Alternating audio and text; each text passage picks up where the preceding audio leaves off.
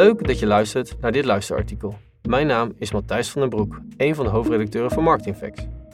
Omdat het soms fijner of handiger is om te luisteren dan om te lezen, bieden wij de best gelezen en mooiste longreads op deze manier aan. Mede mogelijk gemaakt door audio agency Airborne en een vleugje AI. Ik wens je heel veel luisterplezier. Vijf cruciale CX-metrics waar vrijwel niemand aan denkt. De auteur van dit artikel is Zanna van der A, organisatieadviseur bij Accelerate in Experience. Ik zat te dubben of ik de titel van deze blog zou moeten aanpassen naar statistiekmoetjes voor CX professionals, maar ik vreesde dat dat tot weinig enthousiasme zou leiden. Dus het is een mix geworden. Ja, ik eindig met vijf cruciale CX-metrics waar vrijwel niemand aan denkt en ik start met wat basisstatistiek die iedere CX-professional zou moeten kennen. Waarom? Omdat ik te veel professionals tegenkom bij wie deze basiskennis ontbreekt met als gevolg dat hun impact binnen de organisatie veel lager is dan hij zou kunnen zijn met deze basiskennis. Waarom? Omdat ieder bedrijf behoefte heeft aan stuurinformatie, en de juiste statistiek zorgt dat we het wollige experience fenomeen ook aantrekkelijk maken voor de meer blauwe, cijfergedreven medemens. Waarom? Omdat iedereen vol zit met 100.000 to-do's en dus moet kunnen prioriteren. Maar hoe prioriteer je CX als je niet hard kunt maken wat de impact is? Genoeg redenen zou ik zeggen, dus let's go.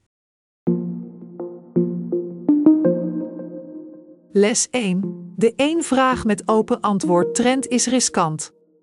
Er is een groot verschil tussen wat klanten denken dat ze belangrijk vinden, rationeel, en wat ze voelen dat belangrijk is, emotioneel.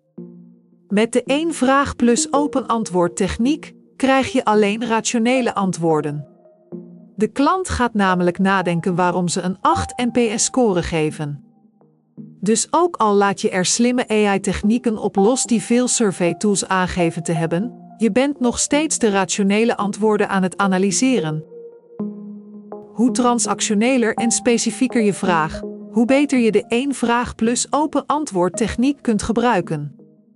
Denk aan de Customer Effort Score op een specifieke plek in de app. Bijvoorbeeld, de app maakte het mij makkelijk om mijn factuur in te zien. Open vraag: kunt u één ding noemen dat het makkelijker had gemaakt? En die kun je prima met AI analyseren. Hoe emotioneler en breder je vraag, hoe minder je de één vraag plus open antwoord techniek kunt gebruiken. Denk aan het meten van de beleving over mijn journey. Daar kom je niet weg met deze techniek, daar moet je echt andere vragenlijsten en slimme statistiek voor gebruiken, zodat je de emotionele, onbewuste drivers boven tafel krijgt. Les 2. Correlatie is geen kausaal verband. Ik verbaas me er dagelijks over hoe weinig er überhaupt van statistiek wordt gebruik gemaakt. Meestal kom ik zogenaamde rechte tellingen tegen. Hoe vaak wordt onduidelijke factuur gekozen of genoemd als reden? Met dan de aanname, hoe vaker genoemd, hoe meer impact het zal hebben als we dit verbeteren. Om te onthouden dat dit vrijwel nooit het geval is, hoeveel mensen noemen bij een exitgesprek het salaris? Veel. En hoe vaak denk je dat het een driver is? Nooit. Salaris wordt pas een issue als andere zaken niet meer voldoen. Als er dan toch incidenteel enige statistiek wordt toegepast, dan zijn het vaak prioriteitmatrices op basis van correlatie. Je kent ze wel, vier vlakken, Score en impact, lees, correlatie, en rechtsboven zijn dan de kroonjuwelen. Hoge score en hoge impact, waarvan het advies is die te behouden en, of daarover te communiceren. Maar, correlatie is geen kausaal verband. Het feit dat iets samenhangt wil niet zeggen dat het ook de oorzaak is van een hogere NPS of tevredenheid. Daar heb je andere technieken voor nodig, zoals regressieanalyse bijvoorbeeld, Bovendien deel ik niet de conclusie dat je hoge score en hoge impact moet koesteren. Mijn advies is juist dat je de hoge impact thema's nog beter moet doen, want dan gaat je NPS of tevredenheid het snelste omhoog. tenzij je al op een 4,6 of hoger zit op een schaal van 5.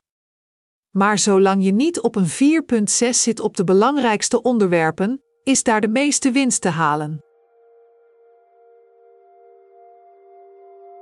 Les 3. Verklaarde variantie is je beste vriend.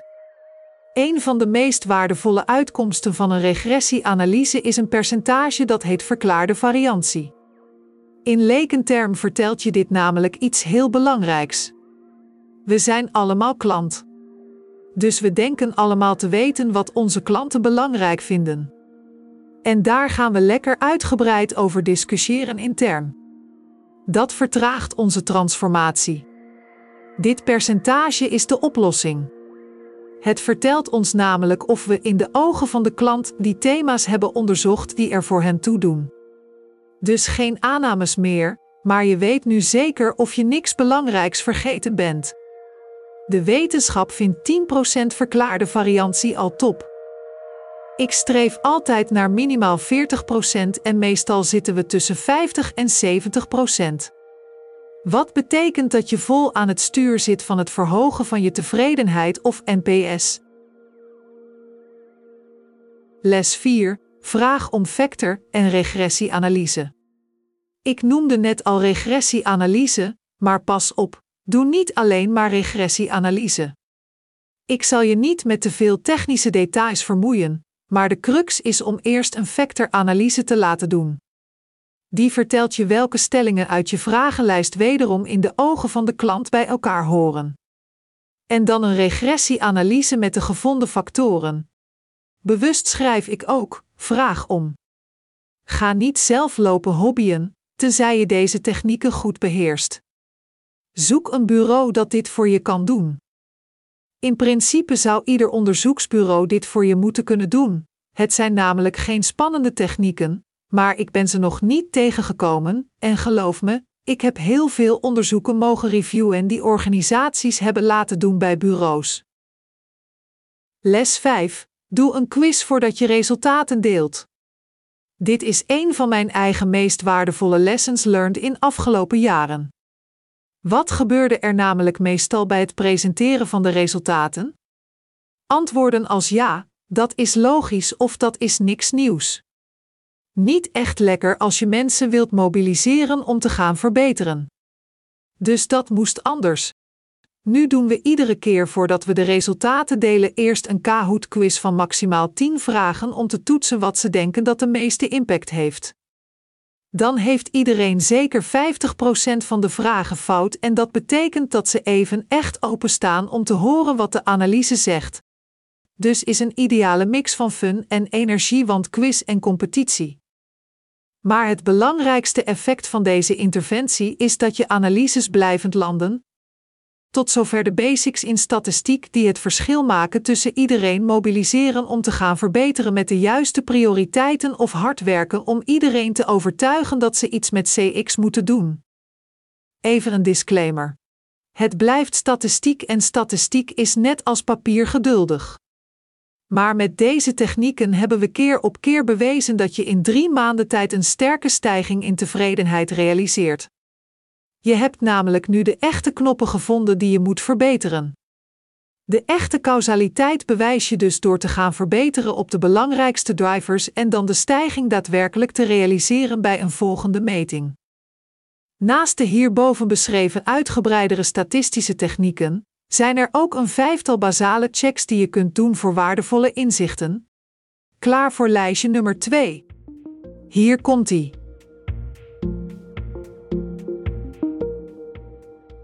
Metric 1: Doorlooptijd end-to-end journey. Dit is een van mijn allereerste Eureka-momenten geweest. In 2007, ja, ja, zo oud, etc. Hoe waardevol het gebruiken van de Customer Journey is als tool om beweging te creëren. Ik werkte bij een verzekeraar en er was een issue met klachten. De operationele directeur vond het niet zo belangrijk, want wat is nou 100 klachten op 100.000 klanten? Dat is een fake voorbeeld en alle interne SLA stonden op groen. Toen hebben we de journey in kaart gebracht van begin tot eind en wat bleek? Als je al die interne stappen van al die afdelingen bij elkaar optelde, dan duurde deze journey maar liefst 38 werkdagen. Wat beloofde men aan de telefoon? 10 werkdagen. De klacht was dat het lang duurde. Dit inzicht van de 38 dagen was compleet nieuw voor de operationele afdeling en zo hebben we toch de handen op elkaar gekregen om hiermee aan de slag te gaan. Daar waren we nooit achter gekomen als we vanuit de interne afdelingen en individuele processtappen hadden gekeken. De tip dus: check je totale doorlooptijd van je end-to-end journey naast de losse interne doorlooptijden van ieder stukje in de journey.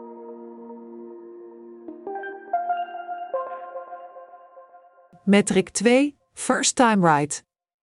Nee, dat is niet first time fix. Ooit werkte ik bij een organisatie waar de vraag was: het contactcenter moet goedkoper. Nou ben ik geen contact center manager en wil ik liever niet klanten pesten door het telefoonnummer te verstoppen. Dus dat wilden we realiseren met betere klantbeleving. Maar hoeveel potentie zit er eigenlijk? Hoeveel contacten zouden we kunnen voorkomen? Geen idee, laten we het de klanten vragen. Toen hebben we de vraag aan zowel telefonie als e-mailsurvey toegevoegd. Beste klant, hadden we wat u betreft dit contact kunnen voorkomen? Gemiddeld 30% zegt dan zelf ja. Dat is dus een 30% potentiële reductie en blijere klanten. Want die wilden niet hoeven bellen voor deze vraag. Een business case is dan heel snel gemaakt. Metric 3: percentage klanten per journey. Op het hoogste niveau kan een organisatie nooit meer dan 8 à 10 journeys definiëren. Denk aan aanvragen product, gebruiken product, betalen, etc. Daaronder hangen meerdere detail journeys en dat kunnen er uiteindelijk misschien wel 100 zijn. Waar begin je dan met journey mapping en journey management? Een heel eenvoudig hulpmiddel is om te starten met de vraag: hoeveel procent van onze klanten per jaar doorloopt deze journeys? Start dan met de meest voorkomende journeys. Ook kun je nog toevoegen: welke journeys veroorzaken het meeste klantcontact? Een belangrijke, let op, veel mensen die in de contactcenterhoek zitten hebben contacttunnelvisie. Ze denken dan: we kunnen prioriteren door te kijken hoeveel calls we per journey krijgen. Klopt, maar let op, dat is geen indicatie over het aantal klanten dat de journey doorloopt. Als een journey namelijk goed gaat, dan hoeven klanten niet te bellen. Dus wees voorzichtig met alleen vanuit contactdata kijken, kijk ook gewoon naar operationele en IT-data hoe vaak iets voorkomt. Metric 4: percentage klanten per kanaal. Een vergelijkbaar risico loop je als je te veel kijkt naar het aantal contacten in het contact center in plaats van het aantal klanten. Wil je namelijk gevoel krijgen bij de impact van je kanaal op de totale merkbeleving, dan heb je niet het aantal contacten nodig, maar het aantal klanten. Stel dat blijkt dat 20% van je klanten jaarlijks met je belt, dan betekent dit dat je voor 80% van mijn totale beleving of NPS andere dingen moet beïnvloeden en dat je met een fantastische klantenservice nooit meer dan 20% kan beïnvloeden. Metric 5: de beste 80-20 checks. We kunnen deze blok natuurlijk niet eindigen zonder die lekkere Pareto-regel van 80 tot 20. Een paar varianten die we vaak gebruiken, is 20% van mijn klanten verantwoordelijk voor 80% van mijn contacten? Is 20% van mijn klanten verantwoordelijk voor 80% van mijn omzet? Raakt 20% van mijn journeys 80% van mijn klanten? En tijdens de Journey Workshop is een van onze belangrijkste mantra's om niet te verzanden in tig uitzonderingen. Komt deze situatie voor bij 20% of 80% van de klanten? Werkt altijd heel goed, tot groot plezier ook van de deelnemers. Ik hoop dat je hier een aantal inzichten uit haalt die je helpen om nog meer business impact te maken met customer experience.